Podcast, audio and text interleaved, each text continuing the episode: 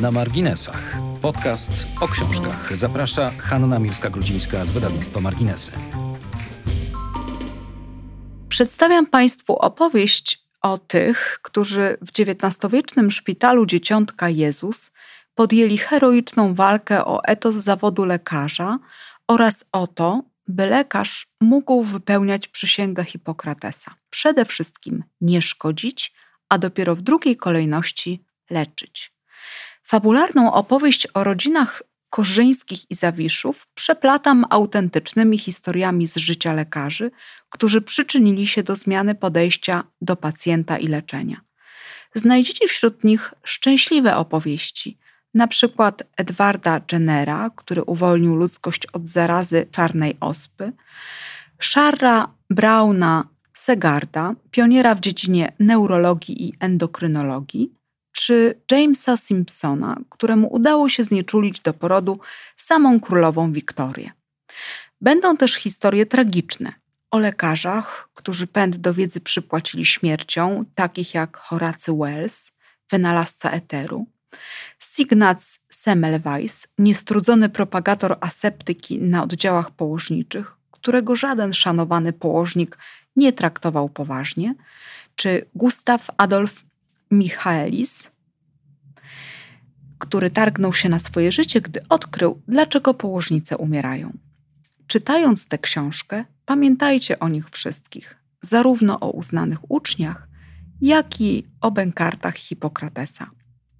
Mówi, proszę Państwa, we wstępie do swoich czytelników Aubena Grabowska, lekarka i pisarka, która dzisiaj jest naszym gościem. Dzień dobry, Aubeno. Dzień dobry.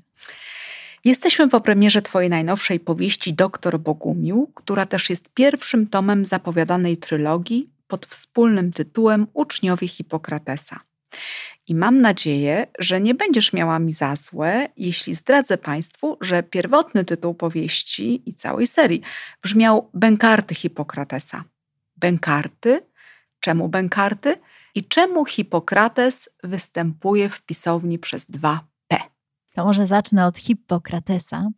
E, w latach 50. W, w Wikipediach w Polsce przyjęło się tak, że można pisać Hippokrates przez jedno e, P, że właściwie obie formy są e, prawidłowe.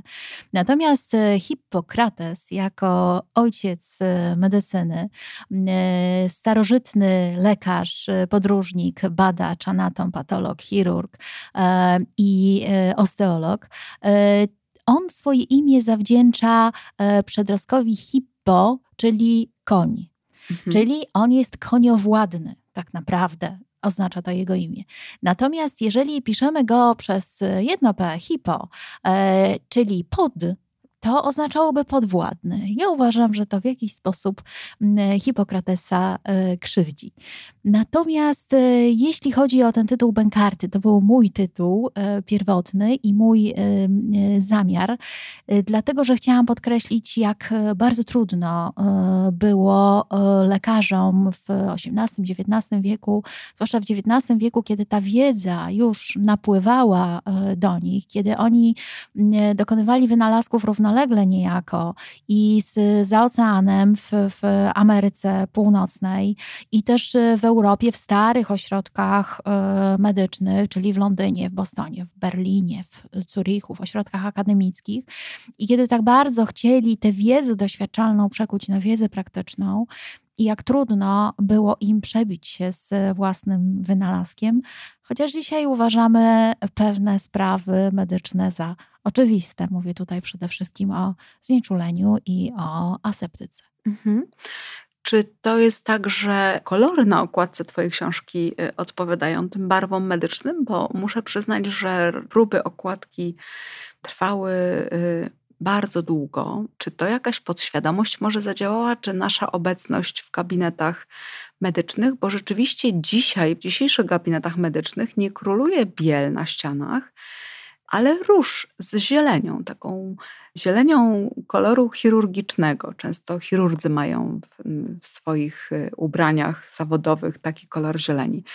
Czy to jest tak, że w jakimś sensie podświadomie tutaj zadziałaliśmy wszyscy? Bo... Myślę, że tak. Myślę, że tak. E, ta biel, która tutaj też e, występuje, to jest taki kolor e, lat 60. i 70., który uderzał po oczach pacjenta, który wchodził do ówczesnego szpitala. Mówię tutaj o XX wieku.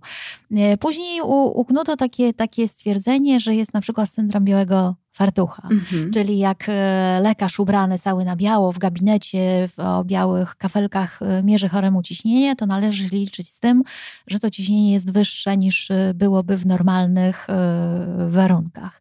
W związku z tym uznano, że, że, że pacjent w szpitalu czy w gabinecie lekarskim, w poradni powinien się czuć swojsko i lepiej. Bezpiecznie Stąd, i zdrowo. Bezpiecznie i zdrowo. Stąd ta biel taka czysta, laboratoryjna, taka zimna bardzo, e, ustąpiła takiemu różowi, szarości, właśnie zieleni, a z czasem szczególnie e, to wystąpiło na oddziałach e, dziecięcych, żeby dzieci lepiej się czuły w szpitalu, bo i tak dopustem Bożym jest choroba, z którą e, przyszły. Tam jest w ogóle we współczesnych szpitalach bardzo kolorowo i bardzo domowo i bardzo e, przyjaźnie. Ale faktycznie tutaj ta, ta zieleń to jest e, zieleń koloru fartuchów dzisiejszych chirurgów. Mówię o tych fartuchach, które oni zakładają do operacji, o tych chustach, mhm. których narzędzia są podawane, wysterylizowane. Także myślę, że kolory są jak najbardziej odpowiednie, aczkolwiek szpital XIX-wieczny to nie są te kolory.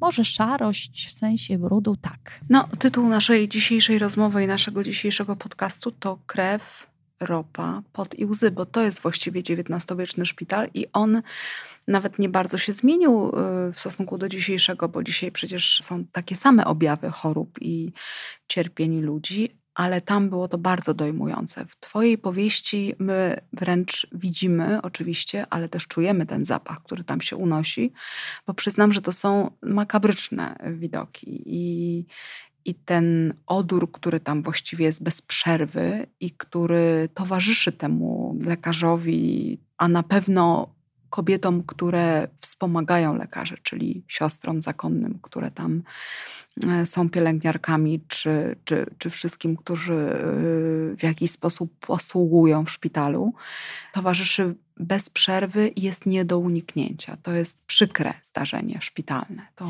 nie to ma jest nic ogromnie wspólnego przykre i nie ma nic wspólnego z, z dzisiejszym szpitalem mm. i mhm. dzisiejszą medycyną. Tu głównie chodzi o brud i o złe warunki, na przykład o brak selekcji yy, chorych, chorych mm -hmm. o którym mówił y, Robert Graves, yy, powołany również przeze mnie w jednym z tych opowiadań, wielki internista, wielki diagnosta. Y, I on mówił o tym, że chorzy kardiologiczni nie powinni leżeć razem z chorymi y, chirurgicznymi, z albo chorymi chirurgicznymi, albo na przykład z, z, y, oczywiście oddzielano kobiet od mężczyzn z wiadomych powodów, ale na przykład chore położnice leżały ze zdrowymi e, położnicami i stąd te wszystkie nieszczęścia. Do szpitala szedł ktoś, kto naprawdę już nie miał e, żadnego e, wyjścia. Bywało tak, że w pierwszej połowie XIX wieku, jeżeli e, pacjent był na coś chory, wymagał interwencji chirurgicznej, wręcz błagał chirurga, żeby się nim e, zajął.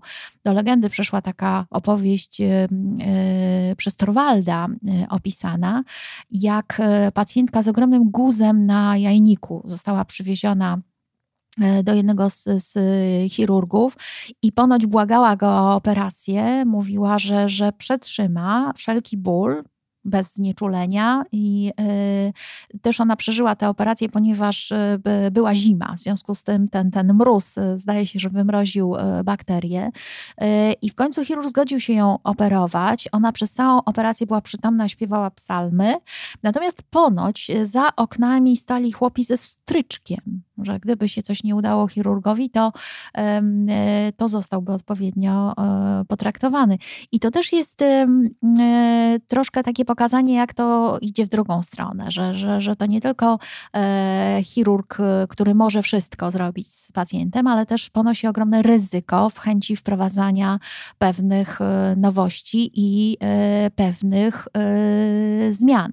Oni na przykład, co, co wydaje się dzisiaj absolutnie niemożliwe, Poddawali sekcji oczywiście pacjenta, który zmarł. Dzisiaj też się tak robi, przynajmniej tak powinno się robić, że każdy pacjent, który umiera w szpitalu, powinien być poddany sekcji z różnych względów. Ja nie mówię tutaj o sekcjach sądowych, tylko mówię o sekcjach takich zwykłych anatomopatologicznych, żebyśmy się wszyscy lekarze mogli nauczyć nawet jeżeli ta przyczyna śmierci jest y, oczywista, to żeby jeszcze raz zobaczyć, co się takiego y, stało u danego pacjenta w danym momencie, dlaczego nie można było tego życia uratować, albo żeby zobaczyć tę chorobę na własne y, oczy. Wtedy też tak robiono. Ale na przykład sale operacyjne i sale sekcyjne bardzo często to, to były te same miejsca, a na stole sekcyjnym kład, kładziono żywego pacjenta i jego operowano zwłoki czekały czasami bardzo długo na sekcji, albo na przykład co ciekawsze, narządy wyjmowano z, z, z, ciała denata i poddawano sekcji y, później. Oczywiście powietrze, bakterie robiły y, swoje. Y, bardzo często, bo to był zawód wysokiego ryzyka, studenci umierali w wyniku zadraśnięcia i, i zakażenia brudnym, e, brudnym nożem chirurgicznym. Nawet właśnie mówiło się, i ja to też przytaczam w, w doktorze Bogumile, że pewien student e, zmarł potrącony przez dorożkę i wszyscy się dziwili, jak to tak mógł mieć takiego pecha, bo przecież oczywiste by było to, że powinien, jeśli już w młodym wieku powinien umrzeć, to w wyniku zakażenia podczas sekcji albo podczas operacji, a nie taką bezsensowną śmierć. Mhm. Czyli ta XIX-wieczna obecność chorego w szpitalu to był taki krzyk ostateczny, również z tego powodu, że chorzy nie chcieli iść do szpitala. Chorzy nie chcieli iść do szpitala. Pamiętamy takie przykłady, które y, film polski bardzo ładnie pokazuje i książki, zdaje się, w nocach i dniach, czy w chłopach taki okrzyk e, jednej z mieszkanek wsi, że doktory jadą, ludzie chowajta się, bo doktory tak, jadą. dokładnie tak właśnie. Kto na wóz był brany. internautek tak, mi to przypomniało wczoraj. E, Nocy i dnie e, Nocy i chyba. Dnie. Ludzie mhm. chowajcie się, doktory jadą. Myśmy już współcześnie mówili, że jak człowiek bardzo chce żyć, to nawet lekarz mu nie jest w stanie nic mhm. zrobić. Oczywiście medyczne dowcipy takie między nami, doktorami zawsze były i, i, i będą ale rzeczywiście wtedy y, szpital to było miejsce wysokiego y, y, ryzyka, aczkolwiek niektóre szpitale już wprowadzały tę diagnostykę Roberta Gravesa. Ten podział pacjentów na zakaźnych i na innych. Były wydzielone sale, których ozdrowieńcy Y, czekali, na, odbywali rekonwalescencję. Albo na przykład po zabiegu operacyjnym, czy, czy, czy, czy po jakichś badaniach, jakichś zabiegach medycznych, chirurgicznych, byli wypisywani z tego szpitala i odsyłani na przykład w jakieś miejsce na południu y, Polski albo do Szwajcarii, żeby tam kontynuowali rekonwalescencji. Także już wtedy takie pierwsze jaskółki y, były również w Polsce.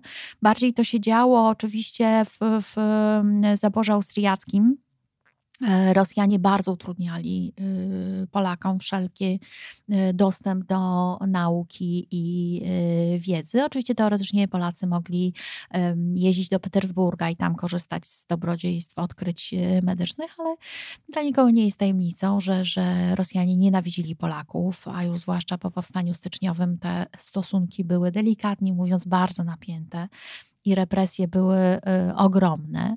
Y, w związku z tym tak nikt naprawdę się tam nie wybierał. Nikt się tam nie wybierał. Mhm. W takim razie, y, skoro już przeszłyśmy do samego tematu książki, to powiedz, co w niej jest fikcją, a co faktem, bo przyznać muszę, że z powodu naprawdę niesamowitej konstrukcji tej książki i tego, że ty masz ogromną łatwość, o czym już mówiłyśmy wielokrotnie. I to najpiękniej jest pokazane według mnie w Twoich ostatnich książkach, w Kościach Proroka i w Matkach i Córkach. Ty umiesz przemieszczać się w czasie, przestrzeni, w języku, fantastycznie żonglujesz tymi wszystkimi właściwościami i tak samo jest tutaj. Tutaj ta żonglerka polega na tym, że ty tak operujesz językiem i tak opowiadasz tę historię, że ja czuję, że coś jest faktem niezbitym i też to jest oddzielone w książce w pewnych takich rozdziałach. To czytelnik sam będzie dobrze wiedział, gdzie jest to miejsce, ale też kiedy już przechodzimy do y, powieści, to tam na pewno jest sporo fikcji, ale też w dalszym ciągu sporo faktów. Fantastycznie łączysz te dwa światy i czy coś, o czym mówią bohaterowie i sami bohaterowie jest y, wyłączną fikcją, czy tak to ci się udało połączyć, że tutaj to jest taka właściwie zagadka dla czytelnika? Mm, dziękuję.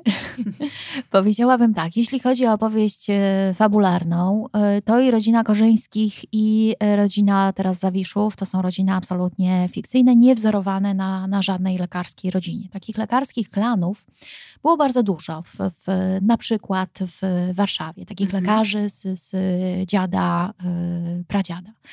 Natomiast ja nie decydowałam się opisać żadnej takiej rodziny, nawet, nawet zmieniając y, nazwisko, bo chciałam, żeby, żeby ci bohaterowie byli pewną kompilacją e, cech właśnie tych rodów lekarskich, ale też mieli własny rys charakterologiczny, potrzebny mi do pokazania pewnych faktów, które e, są, mają miejsce w mhm. miejscach, tak powiem, w czasie i przestrzeni. Czyli Szpital Dzieciątka Jezus zlokalizowany wtedy przy Wareckiej, to jest absolutnie to miejsce, aczkolwiek bardzo mamy mało danych na temat tego, jak on dokładnie wyglądał mhm. w połowie XIX y, wieku. Y, oczywiście Warszawa bo ona tutaj też jest y, bohaterką i nie mogłam pominąć y, Warszawy połowy XIX wieku, Warszawy pod zaborami i tych wszystkich rodzin i, i, i rodów, które musiały żyć z zaborcą i albo w takim pakcie o wzajemnej nieagresji, albo w jakiejś kolaboracji bliższej czy, czy dalszej. Ta polityka przecież też była obecna w domach, na salonach i to musi wypływać z, z książki, ponieważ bohaterów osadzamy w jakimś czasie rzeczywistym rzeczywistym i w mhm. rzeczywistym miejscu, bo inaczej mhm. moglibyśmy opowiedzieć fikcyjnie o fikcji, posługując się wyłącznie e, fikcją. A ja miałam misję i bardzo chciałam opowiedzieć, jak to, jak to naprawdę było. I, i, i chciałam, żeby, żeby pacjent poczuł mm, e, ich niepewność dotyczącą zawodu, ich poszukiwanie e, możliwości leczenia pacjenta, ale też codzienność, której oni e, żyli jako mężczyźni, jako kobiety, jako rodzina, jako ojcowie i matki, wreszcie jako kochankowie. I w jakiejś konstrukcji też, tak. bo tutaj zaraz o tym będziemy mm, rozmawiać więcej. No, muszę od razu powiedzieć, że na plan pierwszy wysuwa się taka konstrukcja. Mężczyzna, który może bardzo dużo i jest e, wykształcony, ma różne możliwości, i kobieta, która ciągle nie może wyjść z tego domu. Tak. Y, to jest y, doskonała jakby opowieść, która jest zawarta na kartach książki i też bardzo przejmująca, przyznam. Robi to duże wrażenie, że gdyby nie pewne działania kobiet y, później, czy na przestrzeni późniejszych lat, to do dzisiaj pewnie ta sytuacja nie byłaby zmieniona, a nie wyobrażam sobie, żeby mogło być inaczej. Ale Państwo to, mm, abyśmy nie zdradziły y, ani rąbka tej tajemnicy, bo też ta historia jest osnuta na pewnej tajemnicy i, i tutaj nie wolno nam tego w żaden sposób zdradzić, żeby Państwu nie odebrać przyjemności czytania. Proszę Państwa, tak jak mówiłam, niezwykle jest ciekawa sama ta konstrukcja książki, bo prawdziwe historie zamknięte w życiorysach być może fikcyjnych bohaterów i sytuacje mieszają się z pewną fikcją literacką, w której jest dużo prawdy. Czy ty, przygotowując się już do pisania tej książki i konstruując sobie w jakimś konspekcie oddzielałaś te historie, czy jakby przygotowałaś sobie taki szablon historii, które będziesz musiała użyć i wplatałaś to po pierwsze w historie, które opowiadają o prawdziwych y, lekarzach, o prawdziwych działaczy medycznych, bo czasami to nawet nie wiemy, czy oni byli wykształceni, czy to byli tylko ludzie, którzy za wszelką cenę próbowali pomóc ludzkości medycznie, czy wiedziałaś też, że w tej części fabularnej tę historię będziesz musiała wpleść i czytelnik będzie sobie musiał sam na te pytania odpowiedzieć. Czy ja bardzo długo myślałam o tym, jak opowiedzieć o historii mhm. medycyny bez przypisów. Mhm. Bo y, można by było oczywiście tylko fabułę y, pokazać i wtedy y, wszystkie sporne miejsca o, opatrzyć gwiazdką tak. Y, i, i, i, zrobić bardzo dużo przepisów, że, że, że to tak było, że to o to chodzi właśnie. Chciałam cię właśnie do tego sprowokować, żebyś tak. powiedziała Państwu, że tam nie ma, proszę Państwa, żadnego przypisu, a żadnego. wszyscy dokładnie będziemy wiedzieć, co jest faktem w tej książce. To jest niesamowite, zupełnie takie zjawisko, które Tobie udało się oczywiście z tego doskonale wybrać, czyli wiemy dokładnie, co jest faktem bez żadnego przypisu. Tak jest. Y, I, i, i to jest taki mój przedmiot dumy mhm. ogromny, bo y, y, dla nikogo, kto, kto wcześniej zetknął się z moimi książkami, nie jest tajemnicą, że ja w taki sam sposób, jak szukam treści dla swojej opowieści i narracji, czy to będzie narrator wszechwiedzący, czy, czy, czy wręcz przeciwnie, czy to będzie opowieść pierwszej czy trzeciej osobie, tak samo szukam gatunku, który najlepiej by mógł pokazać to, co ja chcę powiedzieć. Czyli, czyli ta forma jest równie ważna jak, e, jak e, treść, i te formy są różne w różnych e, książkach. I tutaj właśnie tej formy bardzo długo szukałam, bo też nie chciałam, żeby mm, kiedy się zdecydowałam, że nie będzie tych przepisów, też nie chciałam, żeby ci lekarze w jakiś taki sposób sztuczny rozmawiali ze sobą o wszystkim i wszystko sobie wyjaśniali, ponieważ przecież to byłoby takie bardzo sztuczne i, i, i, i wręcz męczące. Stąd y, pomysł, żeby tę opowieść przetykać opowieściami y, fabularyzowanych biografii wielkich tego e, czasu i wielkich lekarzy XIX e, wieku. Tam jest jeden wyjątek, bo e, Jenner, wynalazca szczepionki na czarną ospę, to jest XVII-wieczny mhm. lekarz, ale bardzo to ważne wydało mhm. mi się w kontekście tej, tej fascynacji jednego z bohaterów Leopolda Zawiszy właśnie zarazami i teorią miazmatów, czyli czegoś, co jest w powietrzu, czego nie widać i odpowiada za, e, za występowanie e, zarazy. Także kiedy już znalazłam tę formę, i znalazłam siedem opowieści, siedmiu bohaterów, którzy, którzy swoim e, życiem zrobili coś, czego czerpią bohaterowie fikcyjni, to już wiedziałam, że będę umiała opowiedzieć o historii medycyny, że będę miała, umiała zainteresować czytelnika, ponieważ to najbardziej chciałam zrobić. Zainteresować y, medycyną czytelnika w kraju, gdzie wszyscy są lekarzami, lekarzami -hmm. i gdzie doktor Google i, i pani doktor Wikipedia. I doktorzy z Leśnej Góry. I też. doktorzy z Leśnej Góry mają bardzo duże poważanie, żeby nie powiedzieć największe. Mhm. Ale w sukurs przyszła ci pewnie jakaś taka twoja osobista sympatia i nawet bym powiedziała mm, miłość do powieści XIX-wiecznej, bo wyraźnie widać w każdej Twojej powieści, że szukasz też formy dla tej opowieści. I ponieważ opowiadasz o rozwoju medycyny w tamtym czasie, prawdopodobnie rozumiem, że w tym czasie najwięcej rzeczy się wydarzyło dla medycyny, tak? Że to były tak. takie przełomowe rzeczy. Zamykasz to w e, koncepcji właśnie takiej powieści XIX-wiecznej, czyli e, z całym szacunkiem, ale jest to taka powieść e, w typie wspaniałych powieści Orzeszkowej, czy nawet może Marii Dąbrowskiej, bo to jest przepięknie snuta opowieść o czasach i o ludziach, napisana również odpowiednim językiem. Czy lubisz takie powieści, czy to tak, było ja takie powieści działanie? uwielbiam i to było celowe działanie. Prawdopodobnie przy pierwszych książkach być może było to podświadome. Ale ja jako dziecko bardzo dużo czytałam i mhm. właśnie ta powieść XIX-wieczna to jest moja ulubiona. I bardzo długo e, pod pojęciem książka to dla mnie y, kryła się tylko powieść. Mm. I, I, ja bardzo późno zaczęłam czytać y, biografie, mam ich wciąż niewiele na, na y, koncie.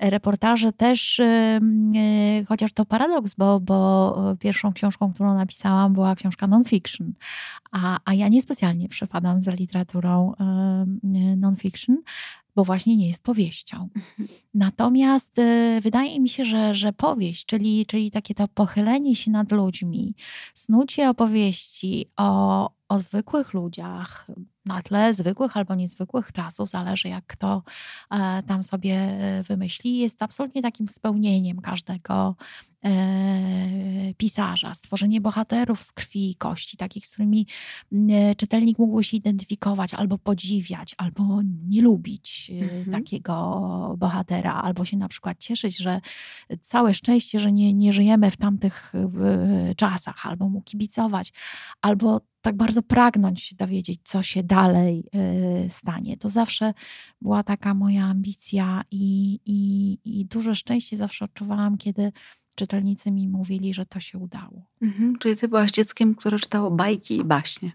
Tak, byłam dzieckiem, które czytało bajki i baśnie. Więcej. Y, nawet y, pierwsza moja taka duża książka, prawdziwa, to były klekdy sezamowe Leśmiana. Mhm. Ja dostałam te klekdy za dobre wyniki w nauce w pierwszej y, klasie i całe wakacje je czytałam, zafascynowana tym, jak można opowiadać o takich światach, takich, jak można używać takich cudownych słów, cudownych zdań, rymowanek. I teraz właśnie kupiłam klekdy sezamowe mm, w audiobooku i słuchamy sobie z moim najmłodszym synkiem e, Frankiem. Myślę, że też duży wpływ na ten odbiór miały ilustracje, które pewnie towarzyszyły tym klekdom tak. sezamowym, bo tak. były wyjątkowe. Prawdopodobnie tak. było to wydanie z ilustracjami Piotrowskiego. Tak. Myślę, że, że, że to było to. Do tej, pory, do tej pory je mam. Już taki zaczytany egzemplarz, bo ja Kiedyś książki czytałam wielo-wielokrotnie. Mhm. Bardzo lubiłam ten zabieg. Na przykład każde wakacje zaczynałam od 100 lat samotności. Mhm. Y, już od wielu lat y, tego nie robię, bo po prostu książek, które chciałabym poznać jest bardzo, bardzo y, dużo. Ale teraz muszę powiedzieć, w czasach pandemii wróciłam do, do dawnych książek i już kilka takich pozycji żelaznych. Czyli do osobistej klasyki. Czyli do osobistej mhm. klasyki. Proszę Państwa, wszystkim, którzy nie wiedzą, przypominamy, że Aubena Grabowska jest Polką o bułgarskich korzeniach, specjalistą neurologiem z doktoratem z epileptologii.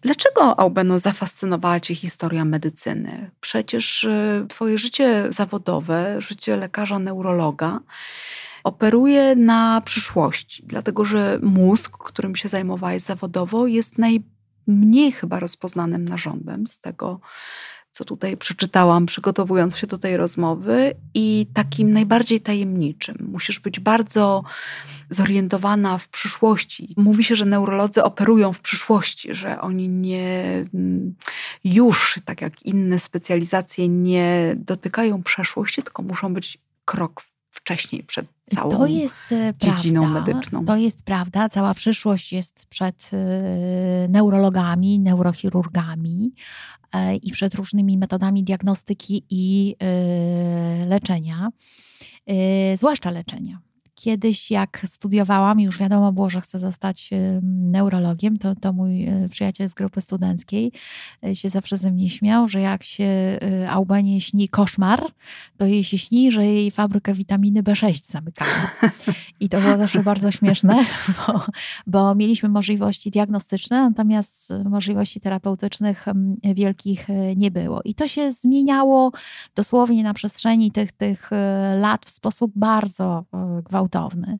Kiedy ja zaczynałam pracę w szpitalu, nie było tomografii e, komputerowej.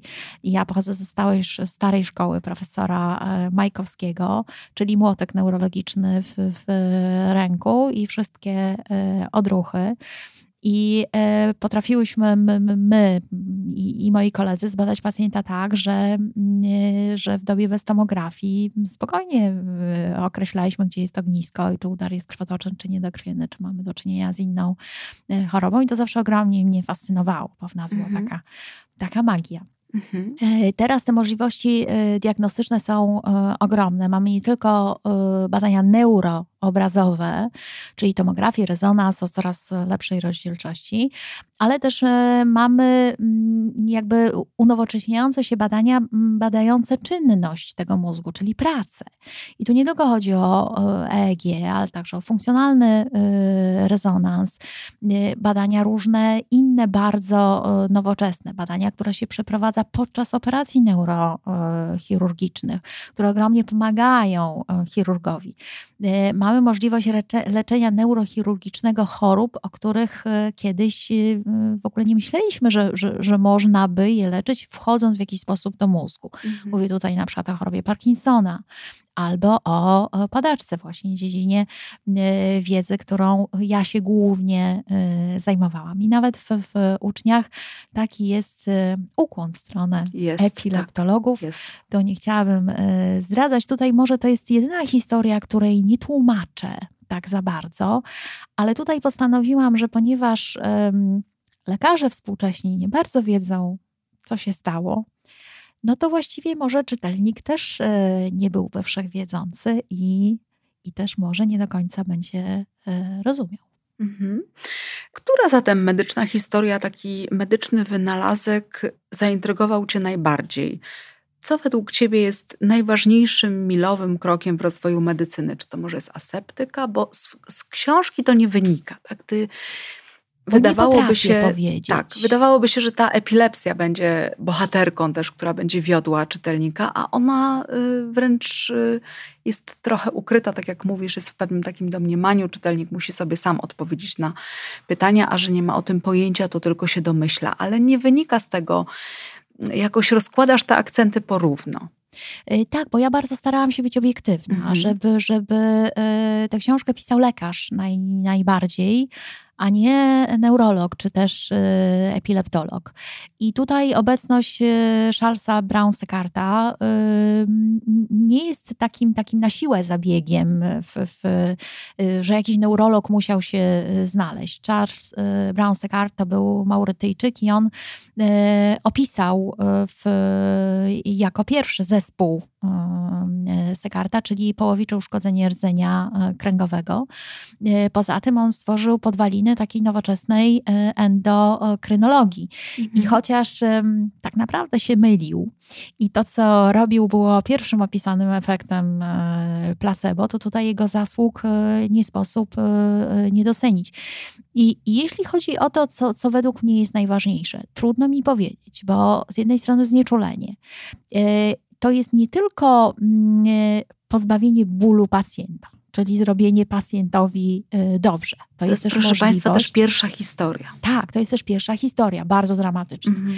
Ale kiedy mówimy o znieczuleniu, to nie mówimy tylko o tym, że pacjentowi będzie lepiej, bo nie będzie czuł bólu. Mówimy o tym, że e, chirurg może wykonać operację, która trwa dłużej niż dwie minuty, która nie jest prostą amputacją tego czy innego e, narządu może się rozwijać chirurgia w stronę operacji bardziej skomplikowanych, które wymagają czasu. Mhm. A chirurg nie może pracować pod presją czasu i, yy, i, i tego, co wynika z bólu yy, pacjenta, czyli chociażby zwiększonego ciśnienia yy, tętniczego. Stąd to jest takie ważne. Aseptyka. Proszę sobie wyobrazić, dzisiaj szpital, który jest brudny, po prostu nie, nie sposób sobie wyobrazić czegoś yy, takiego. Więc ktoś, kto wpadł na to, że wystarczy narzędzia chirurgiczne czyścić kwasem karbolowym, myć y, salę operacyjną kwasem karbolowym, myć ręce kwasem yy, karbolowym i który nie spotykał się ze zrozumieniem. Mówię tutaj o Semmelweissie, mówię o yy, listerze, tym od y, listeryny. On nie jest tutaj bohaterem, będzie bohaterem kolejnej y, części. Natomiast no, wydaje się to e, absolutnie bardzo dziwnym e, zjawiskiem, że tego nie dostrzeżono, że tego nie zrozumiano. Tak jak robienie sekcji zwłok na tych samych stołach czy w tych samych pomieszczeniach, tak. Gdzie przyjmowano porody. To dzisiaj nam się wydaje takie wszystko oczywiste. Jak można było to w ogóle połączyć? Jak można było nie wpaść na to, że Przecież e, bakterie, które na pewno są gdzieś, wytwarzają się w momencie Mówiono, otwarcia. że, że no nie znano bakterii. Mówiono że właśnie o tych cząstkach, o teoriach Mhm. miazmatów. Ta Miazmatów, teoria tak. była dosyć taka wyśmiewana. Dopiero 20 lat później Pasteur już zaczął e, poważnie o tym e, mówić. Były wtedy mikroskopy. Bohaterowie używają e, mikroskopów. Tutaj ojciec e, chirurga Listera, on był konstruktorem tychże, y, tychże mikroskopów, ale mimo wszystko bakteria jest widoczna dopiero pod mikroskopem elektronowym, Mhm. także y, tutaj nie wiadomo było, y, co się rzeczywiście dzieje. Także te historie, mm, trudno powiedzieć, co jest y, najważniejsze. Pierwsze szczepienie, Jenner. Mhm. To jest XVII y, wiek. I taka bardzo prosta obserwacja, czyli że dojarki, które chorują na krowiankę, nie zarażają się czarną ospą i mogą Mhm. opiekować się y, pacjentami. W związku z tym ktoś wymyśla coś bardzo prostego. To zaraźmy wszystkich, których i tak zarażamy czarną ospą i leczymy ich dietą i modlimy się, żeby przeżyli. Zaraźmy ich najpierw krowianką. No ale ta historia jest wstrząsająca, bo tam w pewnej chwili przychodzi matka z dzieckiem, która prosi o to, żeby tego Tak. synka, synka zakazić, zarazić, aby go uratować w gruncie rzeczy. Tak, i to jest ogromne y, ryzyko, dlatego Mhm. że mm, y, oczywiście dzisiaj my to wiemy, tak, Tak, Że, tak. Że, że, że to chroni. Natomiast wtedy oni tego nie wiedzieli i lekarz, y, który przysiągł ratować y, życie, równie dobrze swoim, swoimi teoriami mógł się mylić i mógł to dziecko zabić. Ale on wyszedł z, z założenia, że skoro matka i tak chciała zarazić, bo, bo tak wtedy robiono, że jak szła zaraza, to próbowano przygotować się do, do tej zarazy i, i, i ją jakby mm, e, no, przyjąć w ten sposób, że, że, że już e, samemu e, Oswoić ją. oswoić ją Mhm. w jakiś sposób. I na przykład tak był leczony właśnie Jenner jako Mhm. mały Jako chłopiec. mały chłopiec tak. Najpierw pościł przez ileś tam dni, potem został zakażony czarną e, ospą, no i rodzice się modlili. Przeżył tę e, czarną ospę. W związku z tym postanowił właśnie e, to zrobić. Co więcej, on musiał poprosić pastora, swojego przyjaciela, żeby powiedział to ludziom, żeby zachęcił ich do, e, do takiej metody, e, że to jest metoda e, bezpieczna. Ryzykował reputacją, życiem, em, jakimś takim swoim etycznym, moralnym przekonaniem, bo gdyby to się nie udało, to, to trudno powiedzieć, co by się z nim stało. To oni podejmowali też ogromne ryzyko takie, takie wewnętrzne, takie mieli dylematy moralne, bo No, wyrzuty i- sumienia, i które wyrzuty potem sumienia, bo i e, Michaelis, powodowały, który tak. się zorientował, że to on zabija te Tak, kobiety w tak. chęci zbadania, dlaczego umierają Mhm. na gorączkę połogową i rzucił się pod y, pociąg.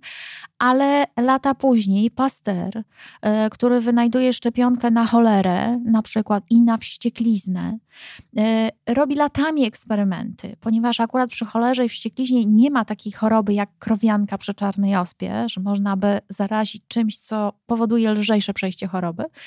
Natomiast y, on y, jakby zdołał wyekstrahować ten czynnik chorobotwórczy, pozbawić go zjadliwości. Ale bał się y, w sobie zrobić eksperyment na, Mhm. na żywym człowieku. Dopiero błagająca go matka, która przychodzi z pokąsanym dzieckiem przez wściekłego e, psa. I tutaj już nie ma wyjścia. I tutaj nie ma wyjścia, albo bo wiadomo, że, tak że to, dziecko, i tak umrze. Bo pies jest wściekły, bo pies e, Mhm. umiera. W związku z tym on dopiero wtedy decyduje się podać mu e, szczepionkę. Mhm.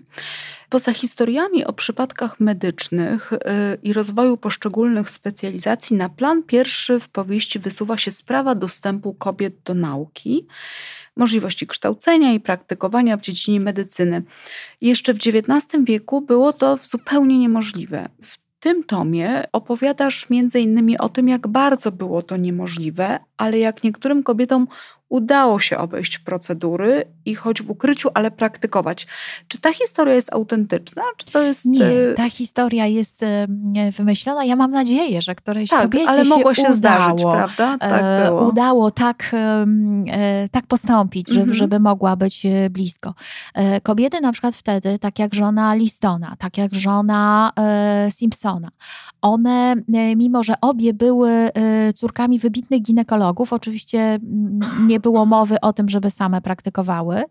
Natomiast one wspomaga, mogły wspomagać mężów i wspomagały ich nie tylko dobrym słowem, ale też ramię w ramię z nimi pracowały. I o ile już jeszcze żona Simpsona była tylko taka życzliwa i, i, i, taka bardziej w, w, o charakterze gospodyni domowej, o tyle na przykład żona Pastera ramię w ramię pracowała z nim przy szalkach chirurgicznych. Podobnie żona Listera, która spisywała jego pracę, bardzo dużo mu pomagała w, w pracy, a sama nie mogła praktykować z racji płci.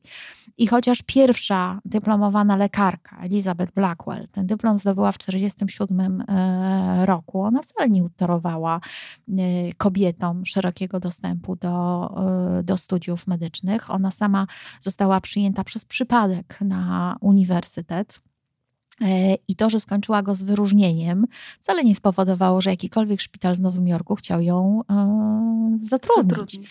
E, podobnie się miała historia z panią Anną Tomaszewicz-Dobrską, czyli pierwszą polską dyplomowaną lekarką, która skończyła studia w 1977 roku w Zurichu, wróciła do Polski. 1877. 1877, tak.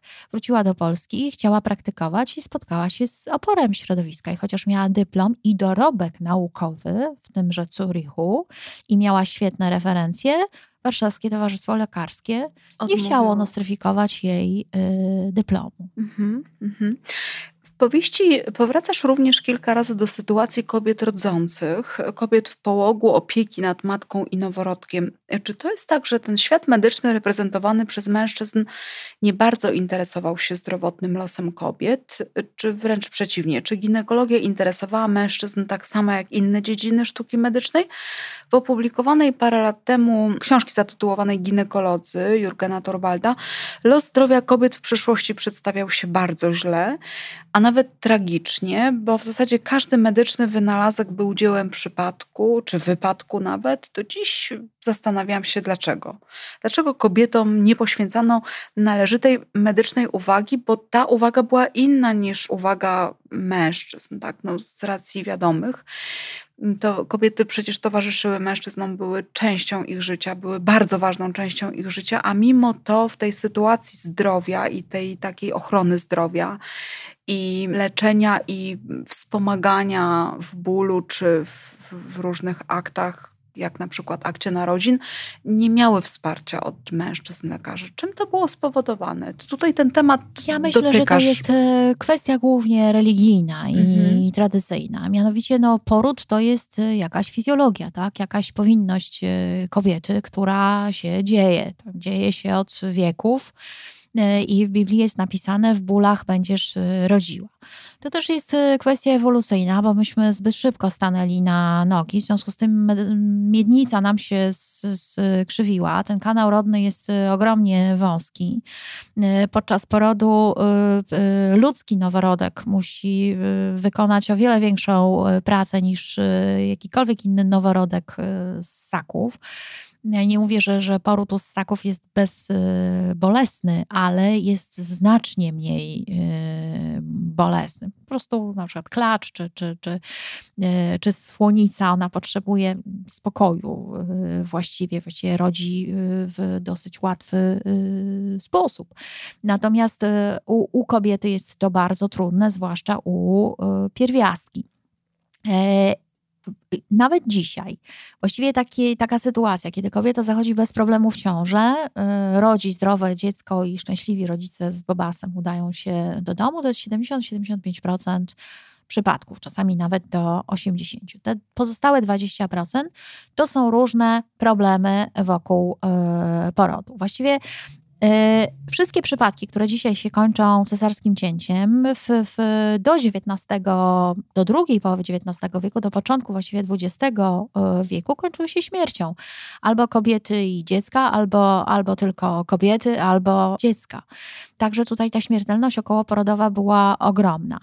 Jeżeli dziecko było nieprawidłowo ułożone, dzisiaj my to wiemy, mamy USG, mamy, mamy badanie, robi się od razu cesarskie, Cesarskie cięcie. cięcie. Wtedy kobieta musiała urodzić na przykład dziecko pośladkami i jeżeli miała na tyle siły y, i, i, i dziecko to przeżyło, no to y, przeżywała. Jeżeli nie, no to, y, to trudno.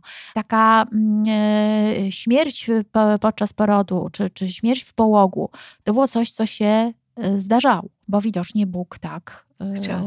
chciał.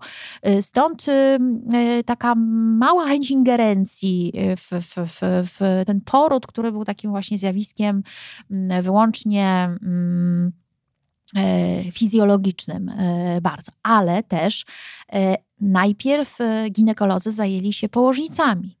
Dopiero później zaczęła się rozwijać taka ginekologia e, operacyjna dotycząca nie e, porodu, czyli operacje torbieli jajników, e, jakieś inne na narządach e, rodnych, mastektomię to też e, później.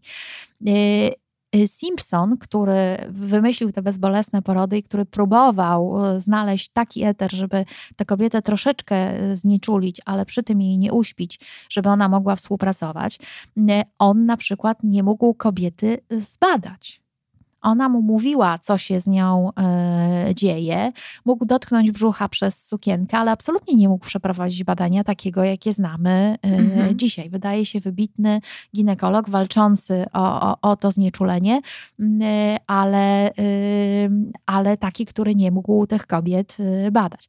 Może to i dobrze, ponieważ on walczył o, o, o możliwość rodzenia bez bólu, natomiast kiedy Semmelweis go przekonywał, że trzeba ręce myć karbolem i położnice umierają, dlatego że się je bada brudnymi rękami, też przyczynił się do wyśmiania go i do wyrzucenia z, z, z katedry z Edynburga. Mhm. Przyszłaś na świat za wcześnie, mówi bohater do swojej świetnie wykształconej, mówiącej wieloma językami, korespondującej z innymi lekarzami szwagierki, która musi się ukrywać. Od kiedy kobiety mogły w końcu być równe mężczyznom i praktykować, uczyć się bez przymusu kłamstwa czy ukrywania się? Czy jest jakaś data?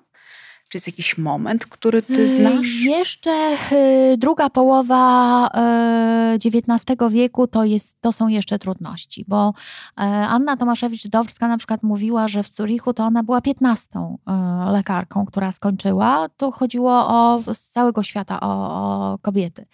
Mm, y, I one w większości nie praktykowały albo zakładały y, przytułki, albo pozwalano się im tylko zajmować biednymi y, położnicami Mhm. bo Janna Tomaszewicz musiała założyć e, przytułek dla położnic i Elizabeth Blackwell też musiała Mhm. założyć własny e, szpital, do którego przychodziły tylko biedne e, położnice, jako że miały do czynienia z, z kobietą.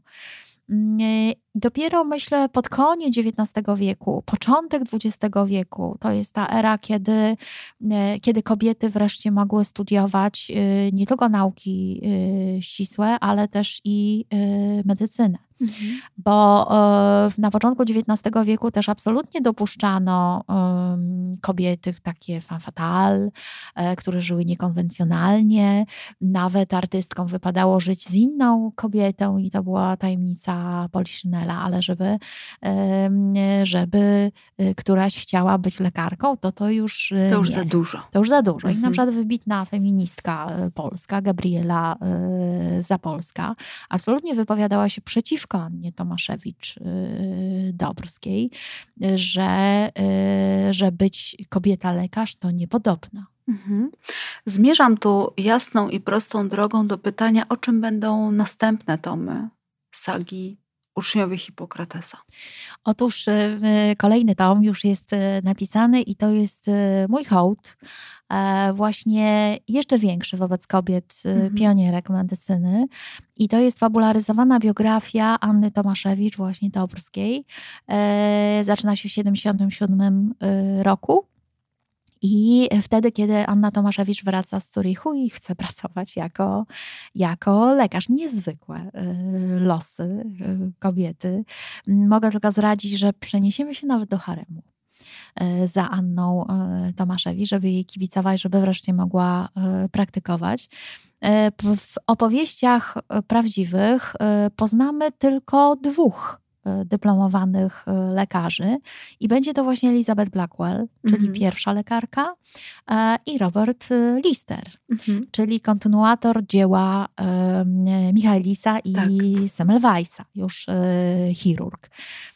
Natomiast pozostałe postaci to będzie pierwsza pielęgniarka, czyli nie osoba, która towarzyszyła chorym, myjąc ich i karmiąc, tylko ta, która położyła podwaliny pod prawdziwe pielęgniarstwo, pod to pielęgniarstwo, które znamy dzisiaj, po taką kompleksową opiekę nad chorym we współpracy z lekarzem. Z lekarzem.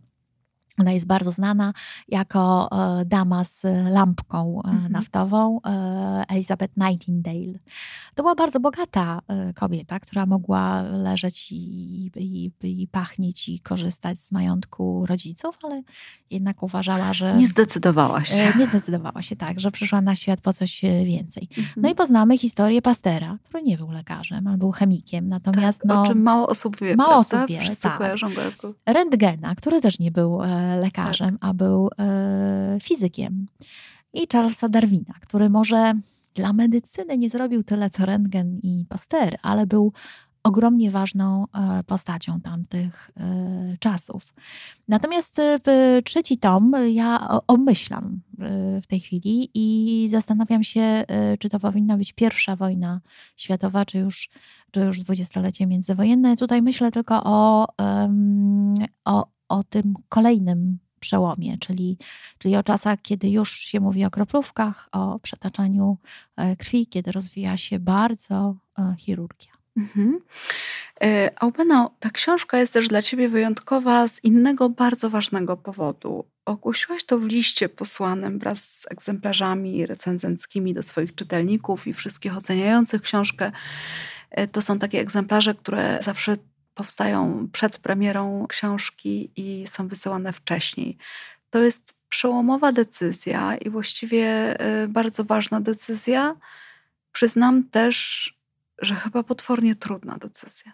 Bardzo trudna, dramatycznie wręcz. Dramatycznie, y, trudna. Dramatyczna wręcz, y, bo w pewnym momencie mm, podążanie ścieżką kobiety i matki, pisarki, i lekarki zaczęło być bardzo, bardzo y, trudne.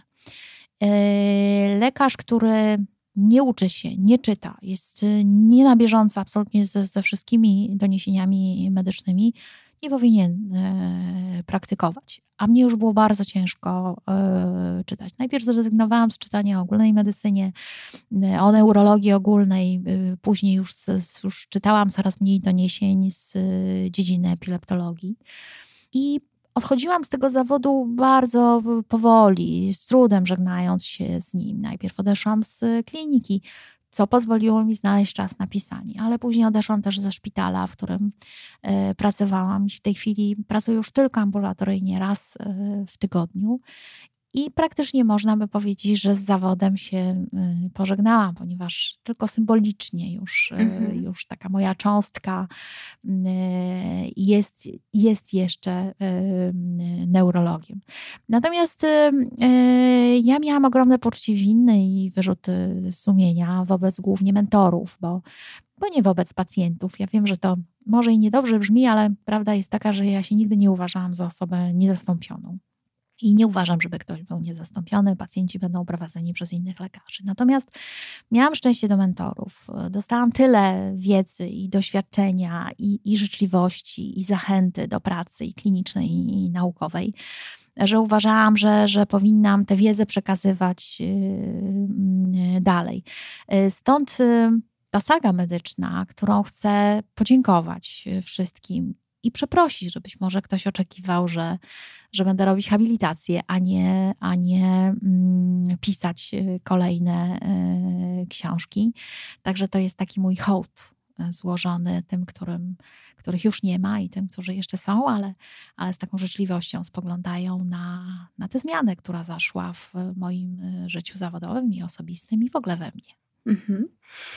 Zanim Cię spotkałam osobiście, poznałam Cię w pewnej górskiej miejscowości w dość niesamowitych okolicznościach. Kompletnie ubrana w strój narciarski z nartami na ramieniu, czekałam w hotelowym lobby e, na swoje koleżanki zapalone narciarki które na narty y, jeżdżą od wielu lat i na każdy wyjazd czekają z utęsknieniem. Jeździmy zawsze cały dzień, bez względu na pogodę, a tego właśnie poranka one nie zeszły na umówione spotkanie. Oznaczało to tylko jedno, że są na pewno chore albo że coś się stało. Czekałam, czekałam, w końcu wróciłam na piętro, zapukałam do ich pokoju, otworzyły w piżamach, a każda trzymała w ręku, było ich trzy, jeden tom sagi Stulecie Winnych. I zdecydowanie odmówiły y, wyjścia na narty, o, tłumacząc, że nie są w stanie oderwać się od czytania powieści. To się nie mogło zdarzyć w tym towarzystwie bardzo sportowym, bardzo dobrze zorganizowanym, ale się zdarzyło i wtedy poznałam siłę Twoich powieści. Jak wygląda dzisiaj Twój świat, praca i życie po sukcesie trylogii i dwóch sezonów serialu Stulecie Winnych? Właściwie e, to był rzeczywiście przełom. Moje życie całkowicie się mhm. y, zmieniło. Mm, to, o czym żeśmy rozmawiały, mogłam myśleć już o odejściu z mhm. zawodu, ponieważ y, Stulecie Winnych zapewniło mi jakąś finansową stabilizację, że mogłam myśleć o tym, żeby, żeby już pisać kolejne książki. Stulecie dało mi rozpoznawalność wśród czytelników i takie coś, co jest chyba ważne dla każdego pisarza, mianowicie grupa czytelników, który czeka na kolejne mhm. książki, które jest ciekawe. Co widać po uczniach Hipokratesa, bo książka jest wysoko na topkach e, sprzedaży, a jest zaledwie niecały tydzień po premierze i widać, że to grono twoich czytelników, które czeka na książkę, bo to są te, ta sprzedaż e, zaraz po premierze jest ogromna bo i sprzedaż o tym świat. Ja się bardzo cieszę, bo, bo e, nie ukrywam, że, że bardzo pragnęłam. To jest wszystko ogromnie ciężka praca. To, to, to nie jest tak, że, że, że, że pisarz właśnie nic nie chce i najchętniej to by pisał do, do szuflady. Jeżeli ktoś się decyduje coś napisać i wysłać to do wydawcy, to zawsze chce tego sukcesu, tych dobrych odzewów.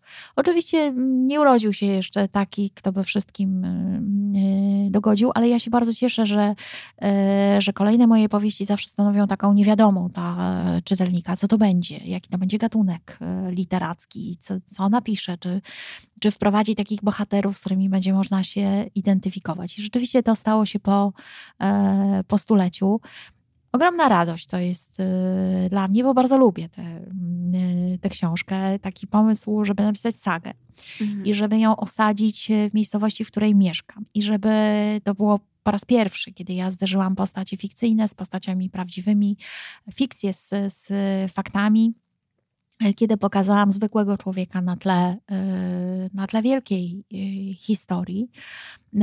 I ta szczerość tego e, przekazu i, i, i odkurzenie ludzi, którzy, mm, którzy gdzieś tam funkcjonowali w świadomości mm, Polaków, takich jak na przykład e, Jarosław Iwaszkiewicz albo e, Stanisław Lilpop, ale pokazanie ich, znowu takie dźwignięcie ich, nadanie im kolorytu i, i charakteru, przede wszystkim Lilpopowi, który był taką niezwykłą postacią, a, którym, a który był taki przez lata bardzo papierowy, jako taki twórca podkowy leśnej.